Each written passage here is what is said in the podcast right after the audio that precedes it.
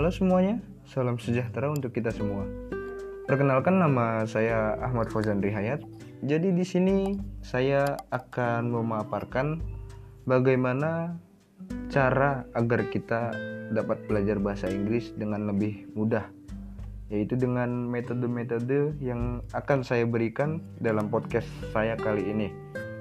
Eh, beberapa metode tersebut adalah metode pertama menggunakan aplikasi, metode kedua dengan cara membaca sambil mendengar sebuah video, metode ketiga adalah sleep learning atau uh, kita dapat belajar bahasa Inggris dengan cara tidur.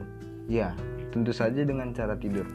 So, kalau kalian penasaran, simak terus podcast saya kali ini sampai akhir. Uh, metode yang pertama adalah metode dengan cara pembelajaran menggunakan aplikasi. Jadi di sini aplikasi yang pertama yang saya gunakan adalah aplikasi Duolingo.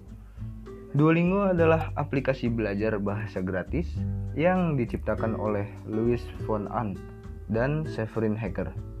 Aplikasi ini selain tersedia dalam versi web, juga tersedia dalam versi Android, iOS, dan Windows Phone.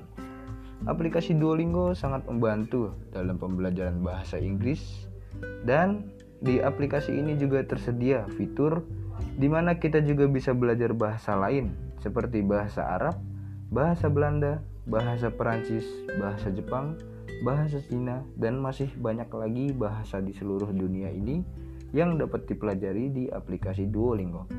Kemudian juga fiturnya yang di mana banyak menggunakan karikatur-karikatur lucu yang tentu saja pasti disukai oleh anak-anak. Jadi tentu saja aplikasi ini sangat recommended dan tentu saja setelah Anda semua menginstal aplikasi ini, Anda tidak akan menyesal sama sekali. Kemudian aplikasi yang kedua adalah U Dictionary. U Dictionary adalah aplikasi ringan untuk menerjemahkan lebih dari 30 bahasa tanpa koneksi internet. Ya, tentu saja tanpa koneksi internet. Akan tetapi, untuk menggunakannya, Anda harus mengunduh beberapa kamus tambahan tergantung bahasa yang ingin kalian terjemahkan. Dengan U Dictionary, Anda tidak hanya dapat menerjemahkan kata-kata dan frasa singkat, tetapi juga melatih kemampuan dalam bahasa apa pun. U Dictionary cukup terkenal di kalangan masyarakat luas saat ini. Tentu saja karena aplikasi ini banyak dipromosikan oleh influencer-influencer ternama di Indonesia. Dengan fitur-fitur tambahannya yang di mana Anda tidak hanya bisa menerjemahkan kata-kata saja, di sini Anda juga bisa menerjemahkan teks yang di mana Anda hanya perlu mengscan teks yang ingin Anda terjemahkan dan kemudian akan muncul terjemah terjemahannya di aplikasi U. Tentu saja aplikasi ini akan sangat membantu Anda jika Anda ingin belajar bahasa Inggris. So, tunggu apa lagi? Yuk install dua aplikasi tersebut agar dapat lebih mudah lagi dalam belajar bahasa Inggris. Hmm, kemudian metode selanjutnya adalah uh, di sini saya akan memaparkan metode belajar sambil membaca belajar dengan cara membaca sambil mendengar yang di mana cara ini tersedia di video YouTube yang telah diunggah oleh channel yang bernama English Listening Exercise.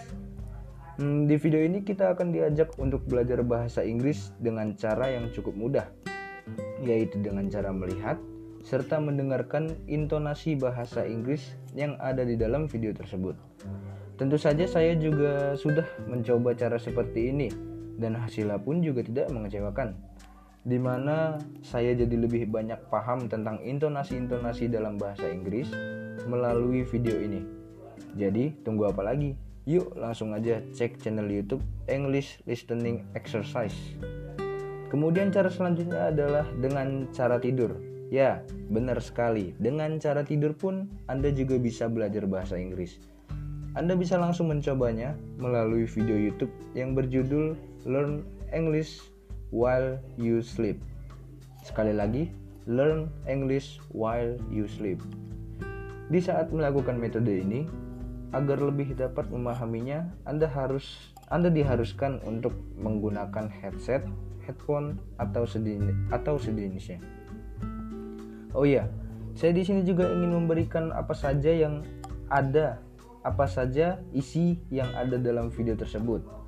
Hmm, di mana isi dari video tersebut adalah Anda akan diperdengarkan pengucapan kata-kata berulang kali dengan tujuan Anda bisa memahaminya dengan lebih dalam lagi. So, tidak ada lagi alasan untuk tidak belajar tidak ada lagi untuk tidak ada lagi alasan untuk kita tidak bisa belajar bahasa Inggris karena sudah ada banyak cara dan metode untuk belajar bahasa Inggris dengan sangat mudah. Sekian podcast dari saya, kurang lebihnya mohon maaf. Wassalamualaikum warahmatullahi wabarakatuh.